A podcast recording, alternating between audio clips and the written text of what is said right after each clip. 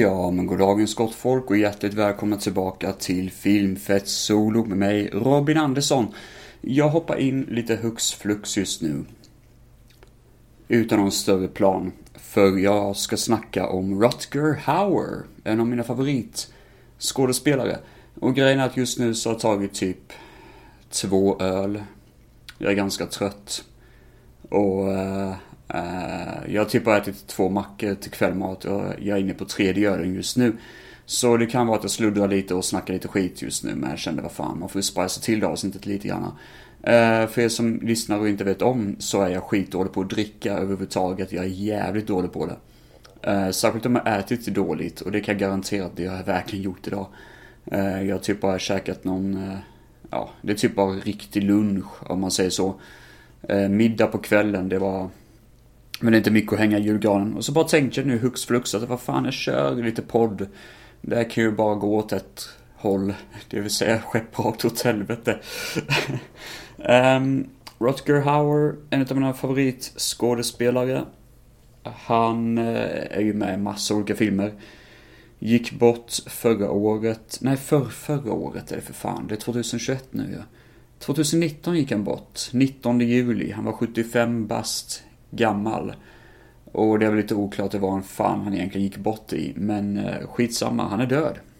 Djävulen lever inte längre och det är ju tråkigt. Jag menar han, eh, fan, jag tyckte om honom. Otroligt bra skådespelare. Karismatisk snubbe. Enligt IMDB så såg han väldigt arisk ut och det gjorde han ju. Han hade fluffigt blont hår och väldigt vältränad och eh, kindben som skulle kunna komma från Guds anus. Uh, han ser på riktigt bra ut. Alltså, I would go gay for Rutger Hauer. Huh, det kan jag garantera. Ja, han är en fin snubbe, en väldigt fin herre. Och det läskiga var där 2019 så hade jag och mina kompisar en grillfest. Och eh, då kom min kompis Marcus på besök som har snackat om flera gånger tidigare i podden. Och han gav mig faktiskt en eh, bok. För vi fyller år i maj, båda två. Så han hade faktiskt förbeställt en bok till mig då. Um, en eh, sån här, vet du det, uh, fan heter det, memoar. Jag kommer inte ihåg vad den heter, själva boken, men skitsamma. Uh, som Rutger Hauer skrivit då, om sin karriär och lite grann om hans liv och sådär liksom. Och det är väl där jag får mesta faktan i det avsnittet. Kommer komma från så mycket jag minns ur min flummiga lilla hjärna. I alla fall så fick jag den boken av honom och det här var ju typ två veckor efter att Rutger Howard gått bort och jag kommer ihåg hur jävla emotionell jag blev av det. Det var faktiskt på riktigt, riktigt coolt. Och än idag så tackar jag jättemycket för det. Tack så mycket Marcus för presenten. Det är fortfarande en av de bästa presenter jag någonsin har fått. Vilket kanske är ganska deppigt och sad, men vem fan bryr sig? Eh, jag tycker generellt, ärligt talat, det var faktiskt en väldigt fin present och jag blev väldigt emotionell av det. Och ibland kan jag fortfarande bara komma på att jag tänker väldigt mycket på i hjärtat och hjärnan på vad som, eh, alltså att jag faktiskt har den här boken att till, hand, alltså till hands, så att säga. Ja, den är fin, den är väldigt, väldigt fin. Den här, eh, jag tror den heter, um, ja, nu kommer jag inte ihåg, Tears in Rain, någonting. Those days will be gone like tears in rain, något sånt, yada yada yada. Eh, I alla fall, idag så kommer jag snacka om hans karriär, jag kommer stanna vid vissa av hans filmer. Jag har skrivit ner det på en post-it-lapp. Och vissa av hans filmer har jag inte sett på jättelänge. Vissa filmer har jag sett eh, för inte så länge sedan. Alltså sådana filmer jag ser om. Och därför kan det vara ganska kul att köra det här avsnittet lite smått. Sådär liksom. Men som sagt var, vissa avsnitt, eller vissa filmer jag kommer stanna vid har jag väldigt vaga minnen av. Så det blir ingenting jag kommer gå in sådär jättedjupt på. Dagens avsnitt sponsras, nej det gör det inte alls det, men jag ska dricka en Tistron, heter den. Tistron B. A tart and fruity organic wild A with black currants. Jag tror inte det här kommer vara, vara någon stor hit alltså. Från Skåne with love. Ja, ni hör ju själv, det låter för fan som pissvatten. Men vi ska se, jag brukar vilja köpa skumöl och ja, vi kör på det här. Nu är jag övertrött, men vi kör. Där satt den. Oh jävlar. Den är röd. Den är röd som fan. Det ser ut som blod för helvete. Jävlar vad röd den är. Shit. Uh, ja, det här var spännande. det ser inte ut som öl. Vad fan är detta? Shit. Och jag ser att det pikar väldigt mycket nu. Nu kommer det vara jättejobbigt att redigera det här men det får framtida eh, Robin ta hand om. Helvete vad röd den var. Det ser ut som... Det ser ut som någon saft typ. Någon sån här skogsbärssaft. Ja, ja. Nu sätter vi igång med det här jävla avsnittet och får skiten överstökad. Nej, så ska vi inte säga. Vi älskar ju alla Ricky Hauer och eh, ja. Han har ett speciellt ställe i mitt hjärta, det har han. Um, Michael Ironside är en kille som också tycker väldigt mycket om. Han är ju en skådespelare jag verkligen älskar. Men Rutger, fan vad det tog hårt när han gick bort alltså. Det sög på riktigt. Let me ask you a little bit about um, Yeah. about Blade Why Runner. don't you? This is a, all right. This is, film came out in what 1982. Yeah. Uh, I, it's a it's a cult classic. I mean, I think people really thought it was Yeah. ahead of its time.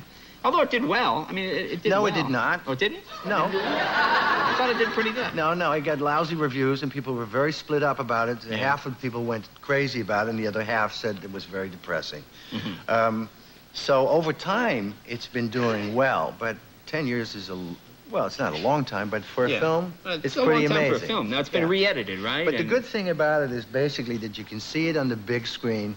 This film has so much to offer on the big screen. The TV screen is not everything, you know, it's Ja, stackars Rutger. I alla fall, ska se vad det står på Wikipedia här.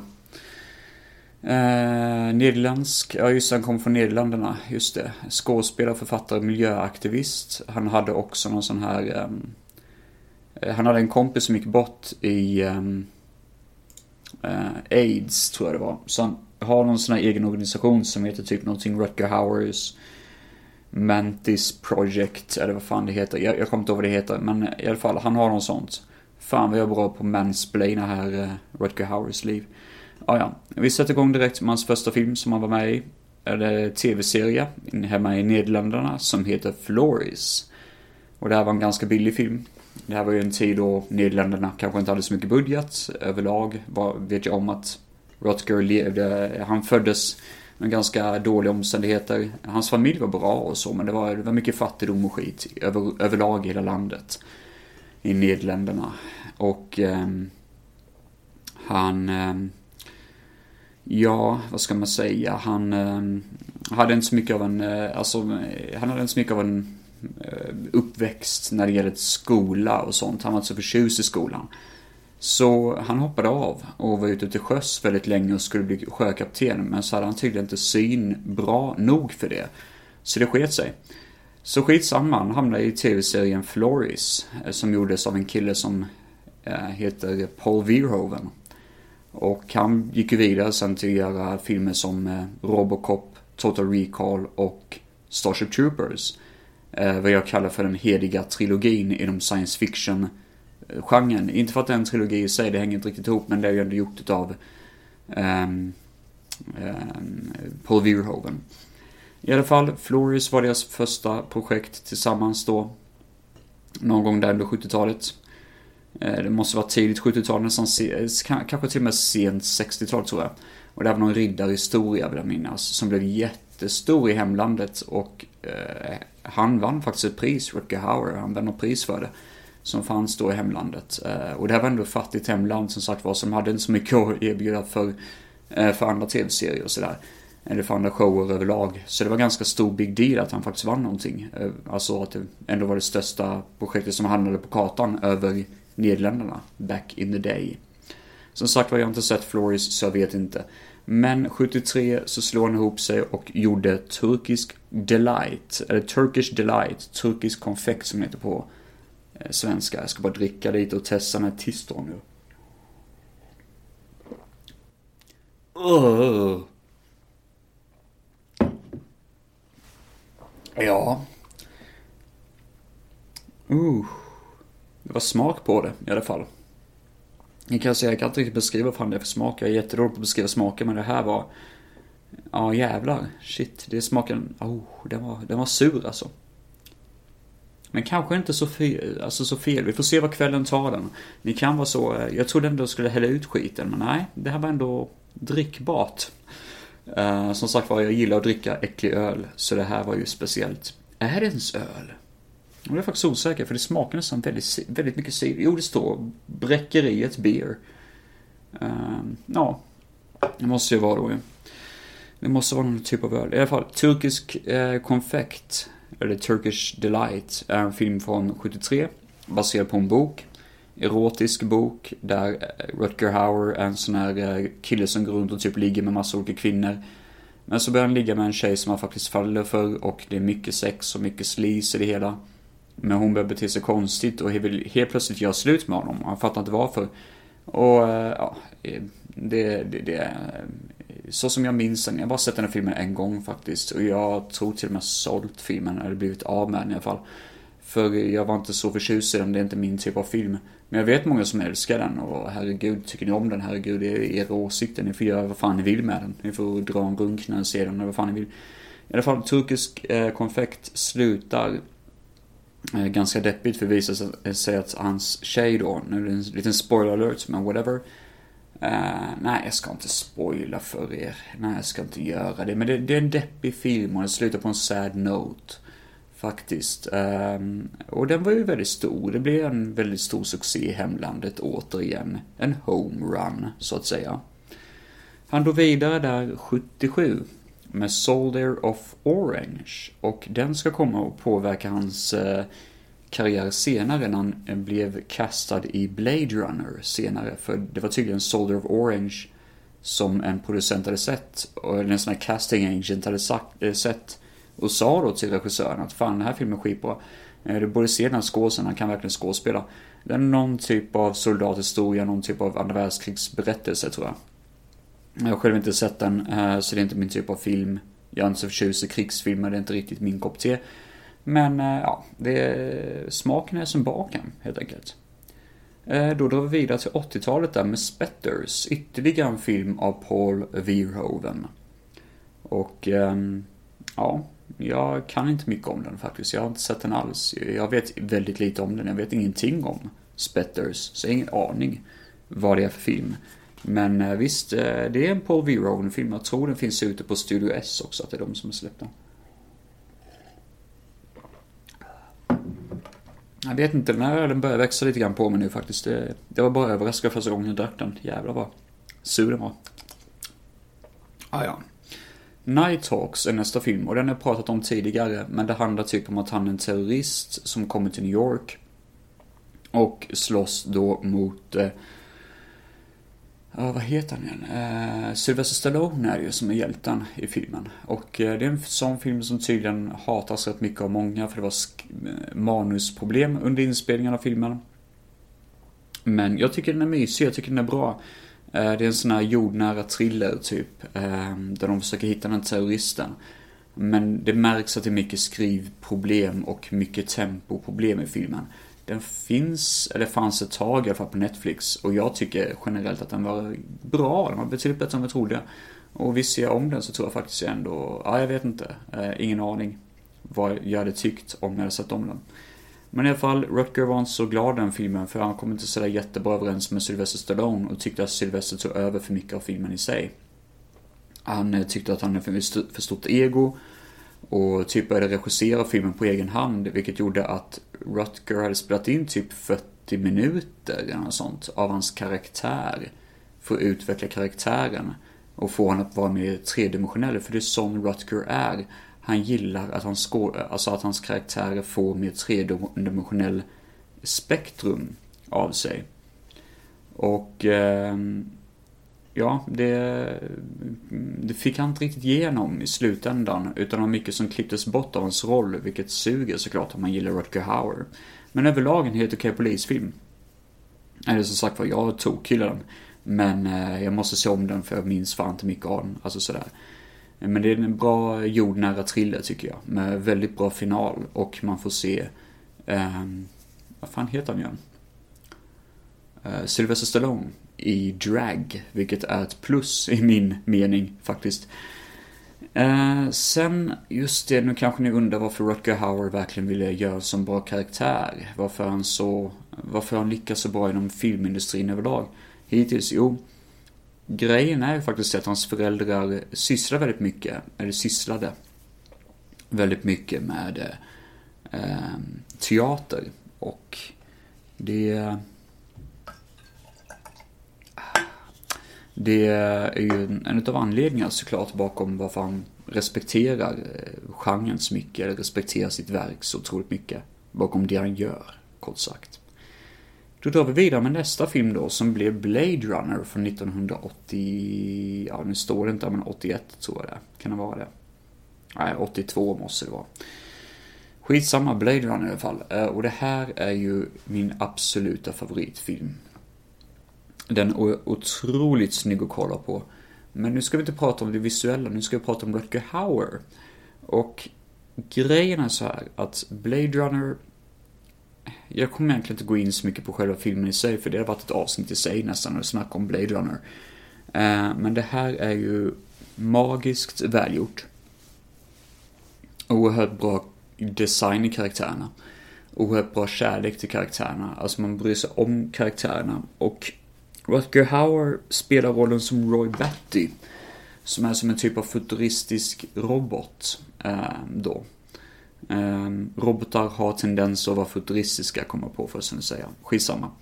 Ehm, men det var ett dåligt skämt kanske. Jag har ingen aning vad jag menar med det, men skitsamma. Blade Runner handlar om att Rutger Hauer spelar en skurkaktig roll och ni använder sådana här quotation marks i luften och liksom sådär citattecken. Han är ju egentligen inte skurk, han är ju egentligen the good guy. På sätt och vis är han det i alla fall. Han är ju inte, han gör ju hemska saker, men han gör det av anledningen att han lever som en robotslav. Som bara har fyra år på sig att leva. Han befinner sig i Los Angeles och eh, där eh, filmen utspelar sig. Och eh, det är framtiden, det är mörk framtid, det är mörkt och bara helvete. Och han försöker bara få sina robotkompisar och sig själv och sin flickvän att kunna leva längre än de fyra år de har i deras system. Så han vill ta sig till sin skapare och försöka liksom eh, reducera deras livstid eller få dem att leva längre. Problemet är bara det att ehm, eh, Harrison Fords karaktär eh, jagar efter honom. Eller jaga efter dem, rättare sagt. De här robotarna då. Och eh, är ute efter att liksom, eh, ja alltså det är hans jobb att jaga fatt i dem och döda dem. Det är bara hans jobb, han gör bara sitt jobb. Men han är ju ändå the bad guy. Egentligen i storyn är han ju det. För det är ju, Roy Batty gör ju hemska saker, men han gör ju det för att han vill leva. Och jag tycker det är så vackert på något vis. Hur långt vill man gå för att leva? Vill man vara en sån som bara, jag är döende men det är okej. Okay. Jag är en jävla mes privat, så jag hade säkert varit okej okay med det. Men en person som faktiskt står för sitt egna livs värde hade nog kämpat lite mer för det, även om det kanske är omoraliskt att faktiskt döda för att själv leva. Och det är ändå schysst, man gillar ändå det att det finns en logik och ett djup i filmen. Och så som han skådespelar Rutger Hauer, det är så magiskt jävla gjort. Han har otroligt vackra tal och talet i slutet, Tears in Rain. Ni måste bara lyssna på det här. I've seen things you people wouldn't believe. Attack ships on fire off shoulder of Orion. I watched sea beams glitter in the dark near the Ten Hauser Gate.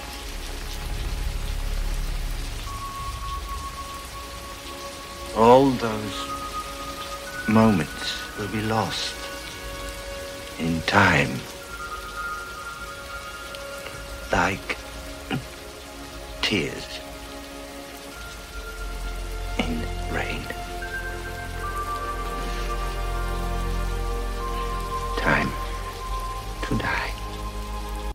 Det är ju en klassisk line. Alla har ju hört det här tidigare. Det känns som att många har hört det talet tidigare i alla fall. Det är ett väldigt, väldigt stort tal.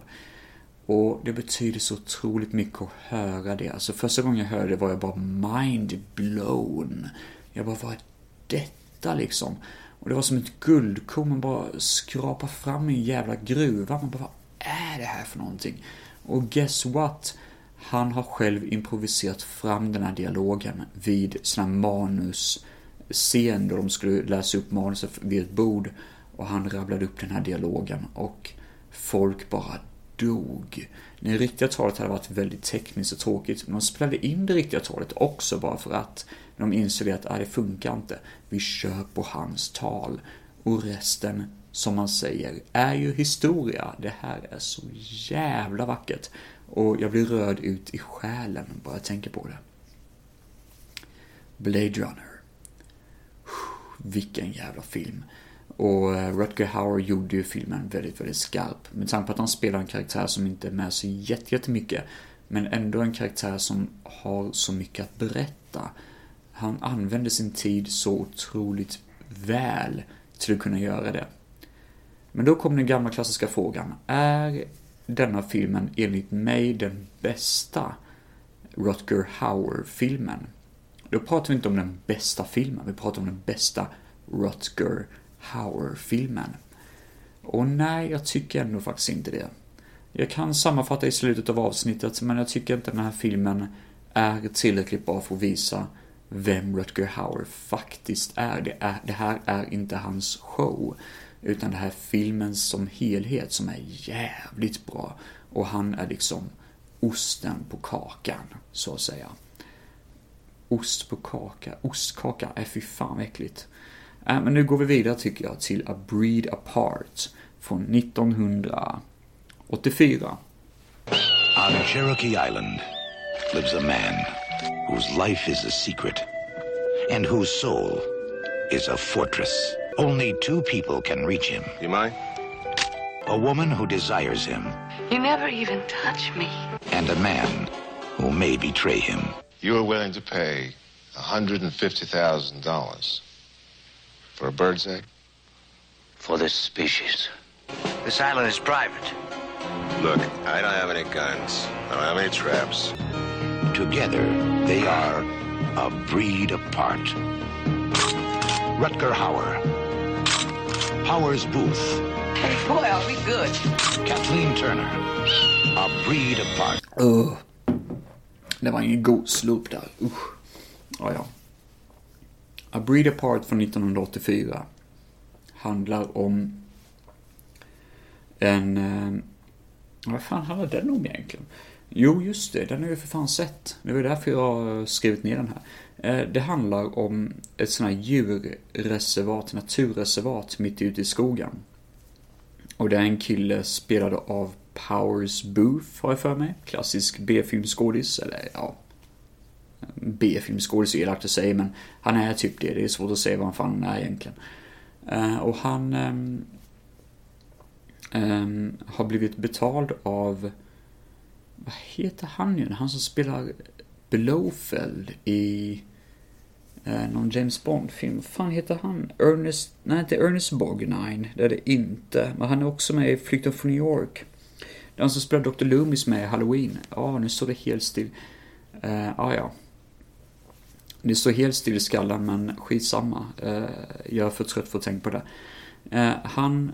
Den, Powers Booth får uppdraget av en äldre man att åka till ett naturreservat och leta efter en viss fågelarts ägg. Och den här fågelarten är ut, alltså på väg att dö ut.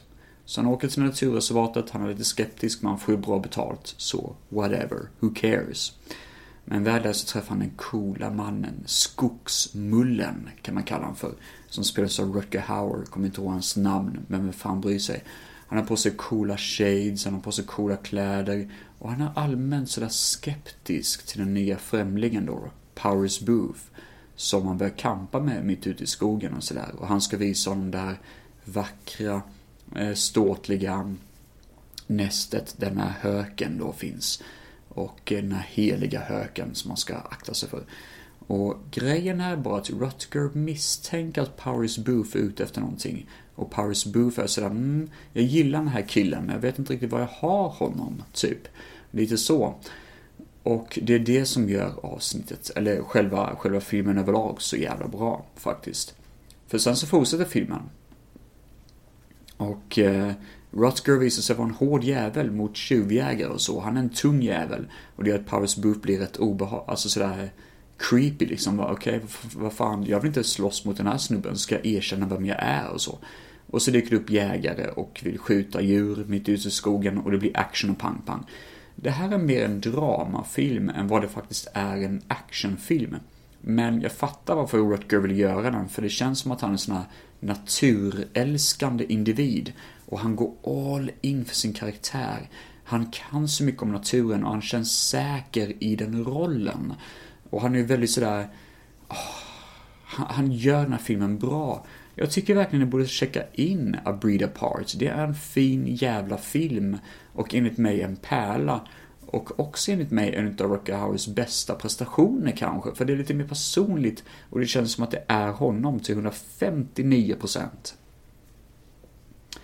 Lady Hawk är nästa film till rakning från 1985. Matthew Broderick. A pickpocket who thought that anything was better than prison. Little did he know what he'd escaped from wasn't half as strange or frightening as what he'd stumbled into.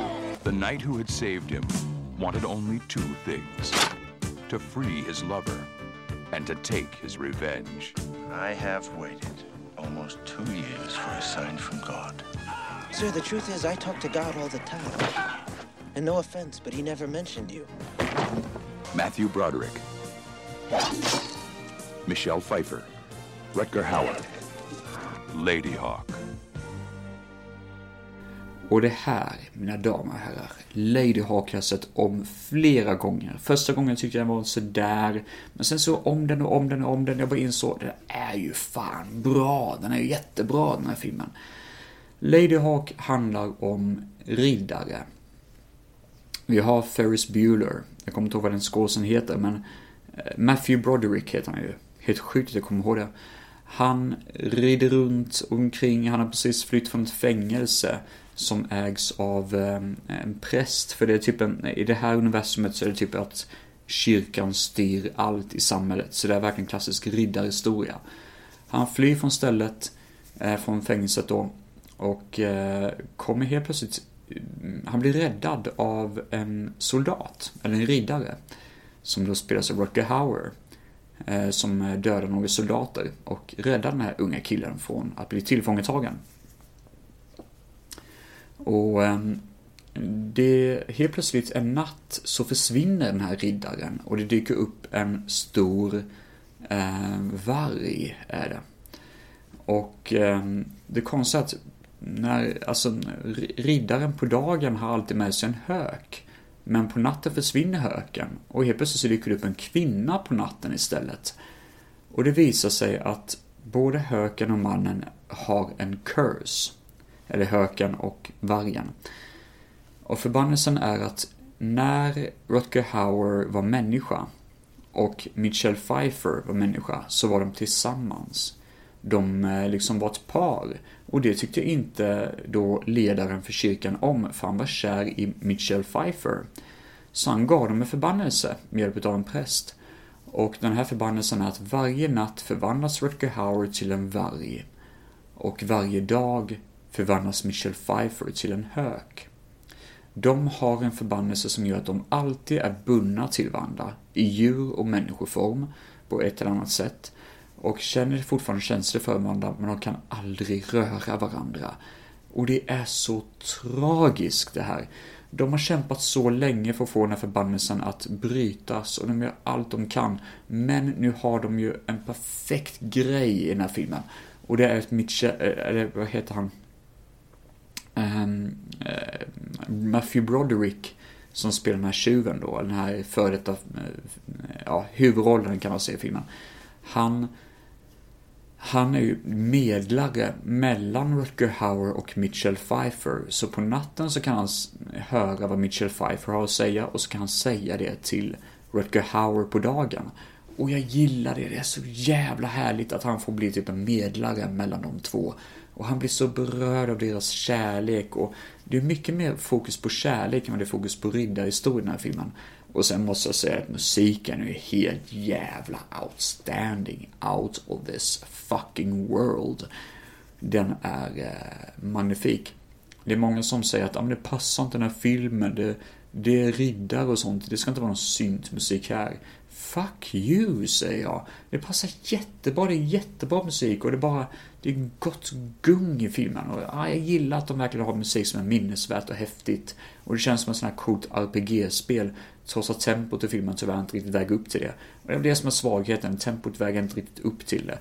Så egentligen är filmen, som film kanske den inte är sådär jävla bra, men gillar man Michelle Pfeiffer, Rutger Hauer och Matthew Broderick så kan jag säga att den är riktigt nice. Och så får man en liten cameo också av eh, Alfred Molina som spelar Dr. Octopus i Spiderman-filmen.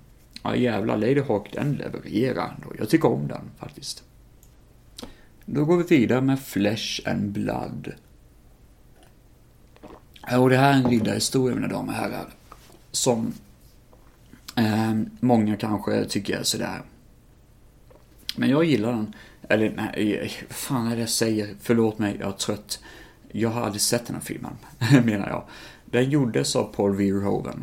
Och Rutger Hauer och Paul Verhoeven rök ihop sig rätt ofta och bråkade rätt ofta på deras eh, Dutch language, typ. Eh, på deras hemspråk, vilket gjorde att många klagade och ville att de skulle bråka på engelska, bara för att alla skulle förstå vad det var de sa. Så de kom verkligen inte överens under filminspelningen och det var lite en sån här otursförfylld upplevelse tydligen. Att det var många som inte tyckte om den. Och sådär. Ehm, och tydligen var det så att både Rutger och Verhoeven rök ihop och kom aldrig riktigt överens. Men när Rutger gick bort så um, sa då Paul Verhoeven att han beklagade sig väldigt mycket och att Rutger och Paul Verhoeven hade kommit överens med varandra efter då att filmen hade blivit gjord. Och det är sad. Det är en sad historia, men ändå fint på sätt och vis att det gick bättre för dem, båda två. Men som sagt var, jag har tyvärr inte sett Flesh plus Blood, men jag vill verkligen se den för dess bakgrundshistoria. Det är intressant. Det är jättekul med sånt. Även om det är ont att både Paul Verhoeven och Rutger Hauer eh, rök ihop som de gjorde. 1986 dök en film upp som verkligen sparkade röv och är fortfarande en av Rutgers kanske mest kändaste roller. Vi pratar om Lyftaren från 1986. Och Lyftaren, även kallad The Hitcher, handlar kort och gott om en liftare som plockas upp av en ung kille som är ute och kör och den unga killen upptäcker alldeles för sent att liftaren är en psykopat. Den unga killen sparkar ut liftaren i bilen och tjötar bara helvete och bara tänker åh vad skönt, nu blir jag av med honom. Men blev han det? För liftaren då, spelad av Rucker Harry såklart, han kommer tillbaka och han sparkar röv. Han skjuter sönder allt, han terroriserar den här unga killen hela tiden. Och det är som en jakt där han bara leker med honom konstant. Det är lite grann som den här filmen Duellen där en kille jagas av en lastbil. Fast i det här fallet är det en liftare som jagar då en ung kille i en bil. Och jag gillar ändå det att det är ändå den här idén med att båda två är separata karaktärer som hatar varandra outgrundligt. Um, att vi aldrig får veta vem liftaren egentligen är. Vi får bara veta att han är en jävla psykopat. Och han är inte rädd för att spränga sönder bensinstationer eller skjuta ihjäl snutar eller vad som helst. Det är sån jävla kaos när han dyker upp. Och grejen är ju bara det att filmen upprepar sig väldigt mycket. För den här unga killen, jag kommer inte ihåg vad skådespelaren heter, men vem bryr sig. Han ryker ihop med Rutger flera gånger under filmen och Rutger söker döda honom och den unga killen flyr. Och det, här, det, det är exakt det som händer, det är det som är tempot genom hela filmen, det är allt som händer typ. Och det kan vara lite, lite repetitivt och tråkigt ibland tycker jag. Men det är ändå en film som uppskattas väldigt mycket av många. Och alla tycker att Rutger Hauer gör sånt jävla bra jobb. Och det gör han. Han är fucking outstanding i rollen som den här psykopatiska seriemördaren on the road. Ja, lyftaren är cool och jag har faktiskt tack vare en kär vän och även eh, lyssnare ibland, som lyssnar ibland på podden i alla fall, eh, Anders Björkman, som jag har fått en poster utav lyftaren och den kommer snickas upp rätt snart i min nya lägenhet.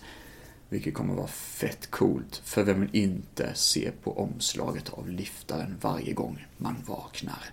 Det är snyggt omslag, det är snygg film överlag. Eh, inte min favorit Rutger Hauer, men utan tvekan en film som många känner till mest av Rutger Hauers verk. Och där kan vi rulla vidare med Wanted, Dead or Alive. Har jag pratat om den här filmen? Uh, tror fan inte jag gjort det. I alla fall, Wanted, Dead or Alive handlar om att Rutger Hauer spelar en polis som försöker hitta sångaren till Kiss, Gene Simons, som är en terrorist. Och det blir lite action, lite pang-pang. Rutger Hauer har en cool shotgun som typ kan skjuta sönder tv-apparater med. och han är lite småcool som polis, alltså han är lite småcool hjälte. Det känns som att han fick jobba lite mer med den här filmen med att skapa en kul karaktär. Men han gjorde inte så mycket kul utav det, till skillnad från då Nighthawks, där han bara skulle vara bad guy. Här känns det ändå som att han tycker om att vara good guy lite mer. Jag tycker filmen är lite för torr och innehållslös för att faktiskt leverera mycket. Och det är nog många som håller med om det. det. Det, finns inte mycket att säga om den här filmen, det är inget, inte så mycket minnesvärda saker. Det är en klassisk actionfilm. Och Gene Simons med i den, vilket känns jättekonstigt, men jag tycker han är ganska torr och intetsägande. Han är betydligt bättre än han dyker upp i Miami Vice säsong 2. Där levererar han ju som fan. Här är han bara torr. Och jag tycker nästan faktiskt att det är samma sak med Rutger Hauer.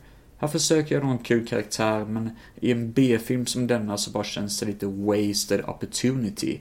Det känns lite som att kasta smör på en jävla vägg och hoppas att det inte ska smälta. Uh, vet jag vad jag menar med det sistnämnda? Nej, jag tror inte jag vet det. Oh. Fy fan. Vi rullar vidare med en film som känns lite mer aktuell för min del i alla fall. The Legend of the Holy Drinker. Jag vet inte varför jag blir så jävla påverkad av öl och dricker så jäkla lite. Men det är nog att jag är trött också. Det är nog övertrötthet plus att jag som sagt var inte ätit så mycket. Skitsamma. Det här kommer bli jättekul att redigera. Framtida Robin kommer sitta där och nicka och slita ut håret på sitt egna skalle bara undra vad fan det är han har spelat in. Men dåtidens Robin som spelade in det här, han har skitkul, det kan jag garantera dig. Fast det är klart i det här fallet skulle jag kunna betala räkningen och ha kul. För jag är så jävla övertrött. Skitsamma. The Legend of a Holy Drinker är en film som man gjorde i eh, hemlandet tror jag det är. Jag tror det i alla fall. Och ja, det måste det vara. Han åkte tillbaka till hemlandet ett tag och gjorde filmen där då. Och det här är typ en film om en alkoholist som eh, också är poet, har jag för mig. Och om man inte minns fel så är det så att Rutger frågar den här killen, för det är en riktig kille som han har frågat då om lite råd och tips till att skapa karaktären typ. Uh, The Legend of, of a Holy Drinker.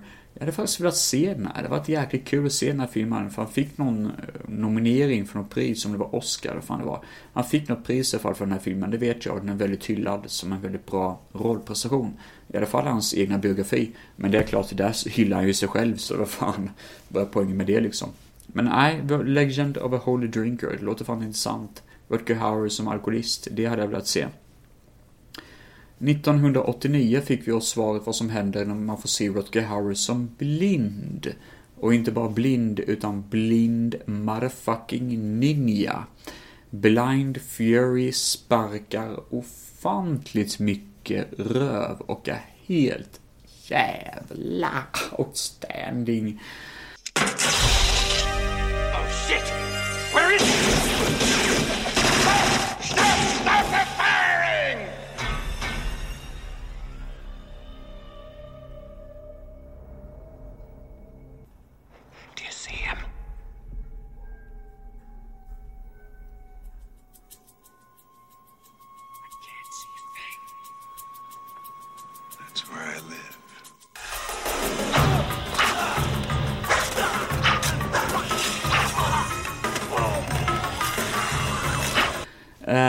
Den här filmen handlar om att Rutger Hauer är en kille i Vietnam. Han blir skadad av en bomb och eh, fångas av vietnamesiska folk som bor mitt ute i skogen. Och de tar honom till fånga, som sagt var, och han har blivit blind av bomben. Men de tränar honom till att använda alla hans sinnen för att kunna liksom, eh, med hjälp av ett svärd, helt random. Jag fattar inte varför de bär runt på svärden, så de får tag på det någonstans. I alla fall, så bara använder han det för att typ göra, jag vet inte, fruktsallad. Och bokstavligt talat, de kastar verkligen frukter mot honom och bara choppar ner det som att det är fucking, ja, jag vet inte, fruktsallad. Um, I alla fall så um, lär han sig att se och sen så är han bara ut i civilisationen igen. Jag vet inte om han blir utsparkad i civilisationen eller sånt. Jag har ingen jävla aning. Men i alla fall, flera år senare så vandrar han runt och eh, försöker hitta sin gamla krigspartner som han var med under Vietnamkriget. Eh, som heter Frank. Minns jag, spelas av Terry O'Quinn från Lost. Eh, som också är med i skräckfilmen Pin, som man måste plocka upp någon dag när jag hinner med det. Ah, ja, skitsamma. Min hjärna är full på onödig filmtrivia, men det behöver inte betyda att jag har någon jävla koll på någonting annat, absolut inte. I alla fall så ehm, eh, försöker han hitta då sin gamla partner, eh, och han träffar då hans eh, killen då, alltså Franks före detta fru som spelas av hon med de läskiga ögonen som är i They Live. Uh, står helt still vad hon heter. Skit i det. Ehm, hon blir ihjälskjuten av några skurkar helt plötsligt och de försöker även skjuta ihjäl hennes son men Rutger räddar sonen och flyr. Och eh, det visar sig typ att de här skurkarna är ute efter henne för att Terry O'Quinn då Frank, det vill säga att han eh, typ, eh, han är skyldig om pengar. Så nu måste Rutger Howard ta sig till Las Vegas där Terry och Quinn jobbar för att rädda honom och från sin pengaknipa och tar med sig då sin, den här killen då, eh, Terry O'Quinns son. Och det blir en roadtrip med lite action, väldigt mycket humor och ja, mysig är den helt enkelt. Och jag gillar ändå det hur otroligt sen den här eh, Rutger Howers karaktär är. Samtidigt som man verkligen hatar den här ungjävlen utav bara helvete. Och skrattar typ så fort han råkar ut för något. Typ eh, trillar och slår sig eller blir lerig eller whatever. Och så bara tycker han det är jätte, jättekul. Ja, jag gillar ändå det. det. Det är en skön karaktär som man har skapat där. Och tydligen var det så att det var en riktigt blind snubbe som kunde typ kung fu och sån skit innan han typ blev skottskadad och blev blind på grund av det. Ehm, och han lärde typ eh, Rutger Hauer hur man levde som blind person. Och tydligen enligt biografin så åkte de skidor tillsammans vilket var jätteläskigt. Att åka skidor med en blind kille som hade jävligt kul. Så fort den här blinda snubben trillade så skrattade han utav bara helvete. Det var, ah, det var kul liksom sådär. Och Rutger insåg att ah, okej, okay, det är så han ser livet som. Han ser det som bara en rolig upplevelse typ. Ja, det är ganska kul trivia i alla fall. Riktigt go film. Borde fått en uppföljare utan tvekan och eh, har bra action. Det är bra röj i den faktiskt. Och eh, ja, jag gillar den. En av Rutger Hauers bästa roller, utan tvekan. Rutger var också med i någon film där han slogs mot, slogs, slogs, slogs, slåss, fan säger jag. Han slåss mot några bad guys eh, i en film som heter The Blood of Heroes. Eh, vad fan pratar jag om egentligen? The Blood of Heroes har jag inte ens sett. Men jag googlade fram att det är, det är nog den filmen som utspelar sig i en postapokalyptisk öken och handlar om att han typ eh, driver någon typ av arena och slåss mot folk via någon typ av fotbollsnering kan man säga, futuristisk fotbollsnering, någon typ av tävling i alla fall. Och det är det vi Blood of Heroes handlar om. Det låter faktiskt intressant, men jag har ännu inte sett den, så jag har ingen aning. Ni får själva bedöma vad ni tycker om filmen. Eh, 91 kom han tillbaka och gjorde Wedlock. Och det här är en film som jag, jag tror jag pratat om den innan, jag är nästan helt hundra på den. I alla fall så handlar det om att Rutger Hauer är i ett fängelse. Och tillsammans med en tjej då, eller ett gäng andra personer. Och varje, fäng, varje fånge har på sig ett visst typ av halsband som kallas för wedlock. Det är kopplat till en annan fånges wedlock. En annan fånges eh, halsband då. Som gör separeras de utanför fängelset så kommer båda att dö. Så det är lite grann en mina som ja, det, jag tror ni fattar vad jag menar. Att det, det, det är lite grann av ett ont wedlock. Ja, jag vet inte vad jag pratar om. Jag har ingen aning vad på. Skitsamma. Um, är att de separeras för långt ifrån varandra så dör de helt enkelt. Och en kvinna får veta att hon råkar vara Richard, Richard säger jag, um, Rutger Howers wedlock. Vilket gör att de måste fly tillsammans, vilket de gör. Men då jagar det här fängelset efter dem, för de vill ta reda på var Rutger har gömt sin skatt. Han har tydligen en jättestor skatt som är nedgrävd någonstans som alla vill få tag på. Inklusive filmens huvudskurkar som typ är Rutger Hauers före detta kollegor som han försöker jaga fatt på för hämndens skull, eller något sånt. Det är en väldigt vag historia, men det är en kul actionfilm, en kul romper stomper typ med Rucker Hauer, exploderande såna här um, wedlocks, uh, halsband och den är kul. Men det är ju ingen film man ser för att, för att väckas till minne av varför man älskar Rucker Hauer, utan det är mest bara en film man ser för att ha en god time. Och det får man helt enkelt, så det är en helt solid film. 92 så kom Split Seconds. Och det här, mina damer och herrar, det här är lite av en rörig film. För tydligen så fick de jättemycket rewrites och omskrivningar och nya regissörer, tror jag också det var. Det var mycket inblandat som gjorde att den här filmen inte riktigt blev som den blev. Kim Cattrall är med i filmen, hon spelar typ filmens kärleksintresse. Hjälten i filmen är ju såklart Rutger Hauer. Och han är en polis som befinner sig i ett överflödigt London som typ har regnat över av översvämningar. Eh, någon gång i framtiden tror den utspelar sig 2007 eller något sånt.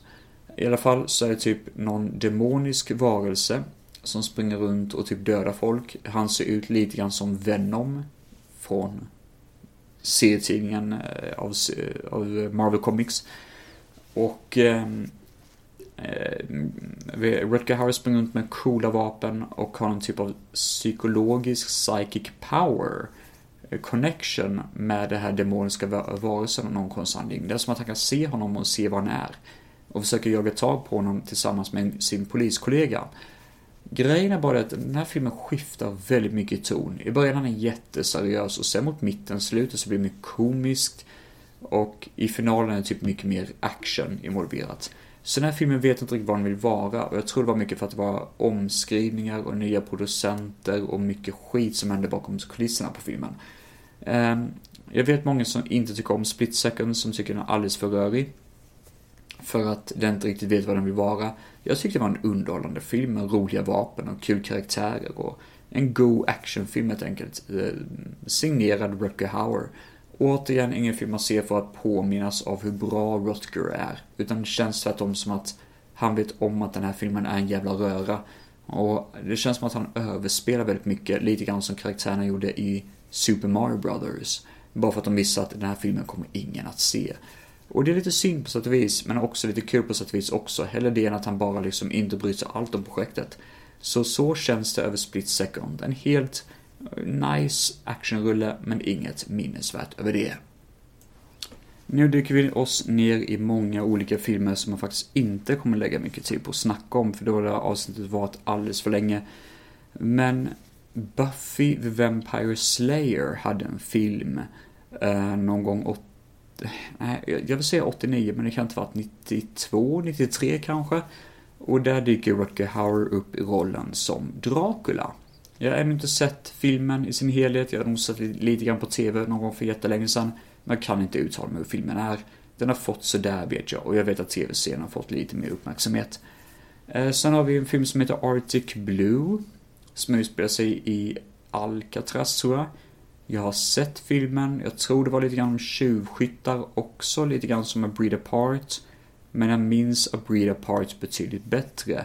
Så Arctic Blue var ingen film man minns mycket av överhuvudtaget, i ärlighetens namn. Surviving the Game har vi sen, som är tydligen en film om eh, uteliggare som jagas av folk som en sport Typ. Så det är lite grann som den här filmen eh, av John Woo, som är ganska cool faktiskt. Hard Target. Den är väldigt lik den. Um, och det här låter, ja det, det, låter faktiskt intressant, men det är fortfarande ingen film jag har sett. I Mr Stitch så är det att han ska sy ihop någon typ av Frankenstein-liknande monster. Och det var en kompis som, som rekommenderade den för mig, så jag har sett den för länge sedan. Ehm, Minns den som ganska seg. Minns den som visuellt rätt jobbig för den utspelar sig bara i ett vitt rum hela tiden. Men det är ganska bra skådisar och det, det känns lite grann som en teaterföreställning.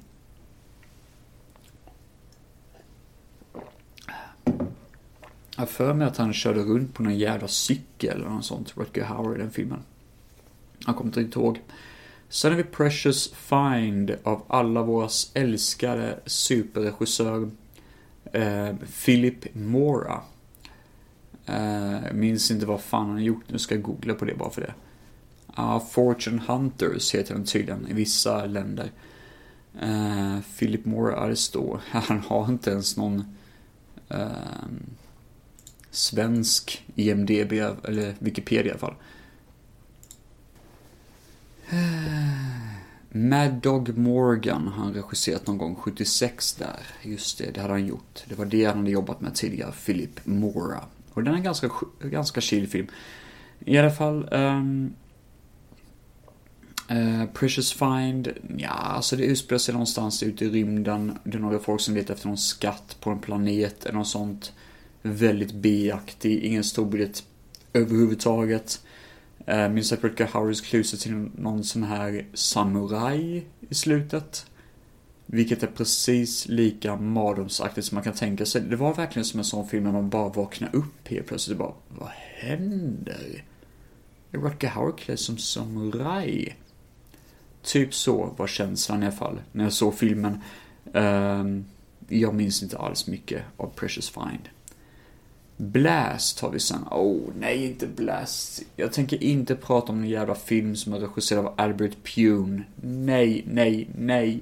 Den är jättedålig. Det här är en jävla Die Hard rip-off. Och det värsta är att jag köpte den här filmen fysiskt. På Ginsa typ och sånt. Återigen ett, en anledning till att jag undviker Ginsa är bara för att jag hittar bara all skit där. De har säkert bra filmer också, men det känns som att jag bara hittar all skit när på Ginsa. Nej, äh, fy fan vad dålig den är. Det, det, det, är bara, det är bara B. Det är inte ens B, det är för fan Z-film det här alltså. Merlin, just det, Merlin är en tv-serie som gick... Eh, fan, ingen jävla aning när den gick. Men där spelar i alla fall Rutger Howard då en um, ond uh, kejsare typ. En ond kung som dör. Uh, väldigt tidigt i serien. Uh, den är mest känd för att det är typ liksom eh, vad heter han, Sam Neill som är huvudrollen då, i rollen som Merlin. Och jag gillar ändå sagan om Merlin, Excalibur och allt det där, det är ganska mysigt. Så faktiskt. Eh, 2003 så var han med i Smallville. Han spelade en karaktär där, jag kommer inte ihåg vem det var, jag för mig det var en präst om man inte minns fel. Det känns som att han får eh, spela präst rätt, rätt ofta. Eh, Salems Lot var med i 2004. Och där spelar han också präst, tror jag. Jag har inte sett det. Nej, han spelar tydligen Burlow. Hur fan kommer jag ihåg att han heter Burlow? Ehm, han spelar i alla fall uh, typ uh, medhjälparen till vampyren. Salem slott är ju en bok av Stephen King, en av få böcker av Stephen King jag faktiskt har läst också. Och den är riktigt bra. Originalserien är väl inte riktigt så bra, den är lite för lång för mig. Men eh, den har ju sin kvalitet och jag kan säga så att se Rutger Hauer i rollen som Burlow är ju outstanding i så fall. Jag har tyvärr inte sett serien från 2004, jag har bara sett den gamla serien från 70-talet. Sin City är med, har någon liten roll där som en eh, pervers, eh, vad fan är det han är? Eh, präst eller något sånt. Det känns som att han alltid får spela präster, jättekonstigt. Jag vet inte varför det känns så. Batman Begins är med också, vilket eh, många kanske glömmer bort.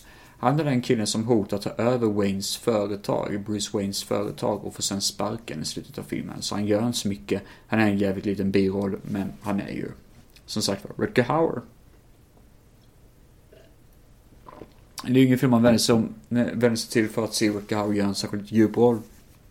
Men eh, han är med i alla fall. The Poseidon Adventure.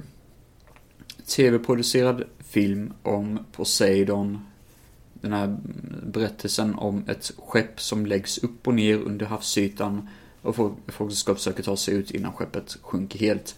Där spelar han Guess what? Han spelar präst igen. Jävlar.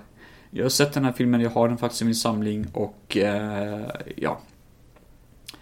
Jag vet inte fan varför jag har den i min samling ärligt talat, men jag har den i alla fall. Den ligger där någonstans och skräpar. Helt okej, okay, men inte sådär jättewow. Eh, Heineken Kidnapping. Och det här är ganska kul, för tydligen handlar det om Heineken, han som skapade ölsorten Heineken.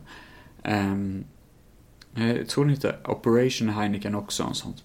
Det handlar i alla fall om att han kidnappades tydligen och eh, Rutger Hauer spelar rollen som eh, Heineken då, som kidnappas. Eh, det låter väldigt intressant faktiskt, jag kan inte mycket om det men det ska vara någonting som man nämner rätt ofta också i den här eh, självbiografiska boken. Dracula 3D från 2012 nämner han aldrig i boken och den ska vara en riktigt vedervärdig film av eh, Dario Argento som är skräckfilmsmästare. Jag har inte sett den själv, men den ser ta mig fan för jävligt ut. Det, det, ser ut som en Asylum-skräckfilm. Och när man vet om att det är Dario Argento och Rutger Hauer, då mår man ju fysiskt illa. Ja, just han spelar typ Van Helsing och sånt jätterandom i Dracula 3D. Sen har vi Hobo over Shotgun från 2011.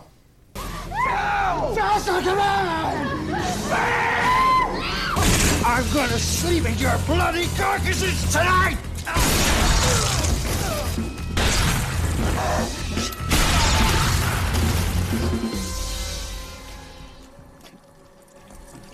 You vultures. Please don't shoot me. Didn't even hurt her. I want you out of the city. You and your grave robbing friends. Spread the word.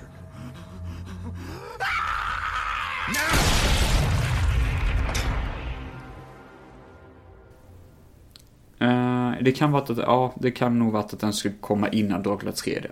Skitsamma. Hobo vs Shotgun är en mysig liten film där han spelar en uteliggare som har en hagelbrakare. Um, nej men, okej, okay. storyn är så här. Rutger Hauer kommer till samhälle och um, han är uteliggare, han försöker hitta eh, pengar och så, han tigger och så. Men det här samhället är för jävligt. Det är det ruttnigaste, hemskaste stället han någonsin varit med om. Det märks direkt att han har inte varit med om det på jävligt länge. Och alla behandlar mer än skit och alla behandlas av skit av gangstrarna som styr i det samhället. Till och med polisen är fan korrupta. Och en dag när Howard har tillräckligt med pengar så ska han köpa en gräsklippare så han kan åka runt och klippa gräs för pengar. För det vill han göra, det är hans dröm. Så han står där i butiken och funderar. Och då rånas såklart butiken av några bad guys. Och då tänker han, vad fan ska jag göra typ? Och då ser han ett hagelgevär som hänger på väggen. Han greppar det, laddar det och skjuter skallen av skurkarna. Och eh, efter det så blir han då Hobo with a Shotgun. Han rensar gatorna ett skott i taget. Och det roliga med det här är att det här är faktiskt baserat på en en trailer som gjordes till någon sån här, eh, vad heter det? Ehm, de gjorde någon sån här trailer på en film, jag kommer inte ihåg vilken, vilken film det var, men de, de gjorde en massa olika trailers på sån här um, Grindhouse, det vill säga billig skit film typ som görs ute på landet nästan. Uh, och då hade de gjort en fake trailer på Hobo over Shotgun. Och det var den enda filmen som faktiskt blev en riktig film. Uh, med då Rutger Hauer konstigt nog i huvudrollen. Det tråkiga när man ser den här filmen så inser man att de gångerna då man ser Rutgers ryggrad, eh, det vill säga att man inte ser hans fulla ansikte, så är det troligtvis en stand-in skådespelare. Det är troligtvis inte Rutger Howard, det är kanske en annan skådespelare med typ någon sån här eh, peruk på sig och sånt. Och man gjorde ju så i vissa filmer, särskilt billiga filmer, för att man hade inte råd med skådespelarna varje scen. Och jag tror tyvärr det är så som är fallet med Hobo with a Shotgun.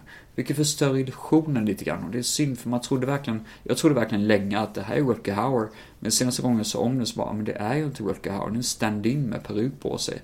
Typ liksom sådär att, eh, så länge man inte visar hans ansikte så är det en annan skål som står där. Det är ganska synd, det förstör lite illusionen av filmen. Valerian and the City of a Thousand Dreams, eller vad fan den heter. Um, uh, den kom 2017 och är den sista rollen Rutger Hauer gjorde. Och det är tråkigt, för han hade en jätteliten roll som typ USAs president i ett litet tal som han håller i början av filmen som inte ens var 30 sekunder. Det var allt han hade och där var allt slut med det. Eh, Valerian är en helt okej film, jag har den på Blu-ray någonstans och jag vet att många hatar den. Jag tycker dock den är okej. Jag tycker faktiskt den har någon kvalitet över sig. Han gjorde även röstskådespel till ett spel som heter Observer, som jag tyvärr inte kört klart ännu. Jag är jättedålig på att eh, köra klart spel. Men där finns också Rutger Hauer involverad. Så det kan vara kul att veta det. Då kan vi gå igenom lite snabbt och kolla också eh, vad jag tycker om hans skådespelarprestation. För han gick ju bort efter allt detta som sagt var. Och då är ju frågan, vad tycker jag om hans filmer? Eh, generellt, alltså han har gjort jävligt många bra filmer och det är många roller som man känner det här, det här är han, hans bästa prestation liksom. Enligt mig, om man ska vända sig till en film där han verkligen får prestera så är det Lady Hawk som är bäst. För det, det är ändå den filmen där han får skina. Där hade jag sagt, vill du se eh, Ironside säger jag. Vill du se Howard i en roll där han får prestera spana in den här filmen för det här är bra. Och då har det visat Lady Hawk, för den är fin. Eh, efter det så har jag troligtvis visat Blade Runner och alla de här viktiga filmerna, de här stora filmerna. Men Lady Hawk, det är enligt mig Rutger Hauers bästa prestation som skådespelare. Skål på det, mina vänner. I've seen things you people wouldn't believe. Hmm. Attack ships on fire off the shoulder of Orion. I watched sea beams glitter in the dark near the Ten Hauser Gate.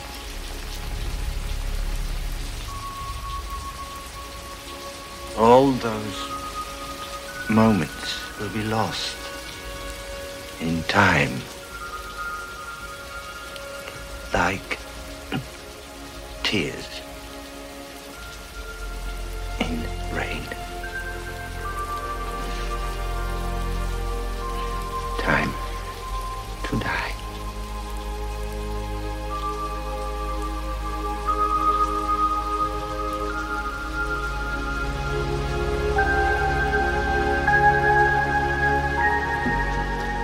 Då tycker jag att jag avhandlat Rutger Hauer generellt. Jag känner att jag hoppas att avsnittet verkligen har någonting att bära på när det gäller innehållsmässigt. Tack så jättemycket för ett bra avsnitt idag. Robin Andersson. Nej, fan säger jag. Det är ni, det är ni lyssnare ska tacka. Eh, följ oss på Facebook. Jag heter Instagram. Nej, jag heter... jag heter Filmfett på Facebook. Och heter Filmfett på Instagram. Följ mig gärna där. Um, ha det så jättegött nu och hör av er om det är något. Eh, uh, ciao!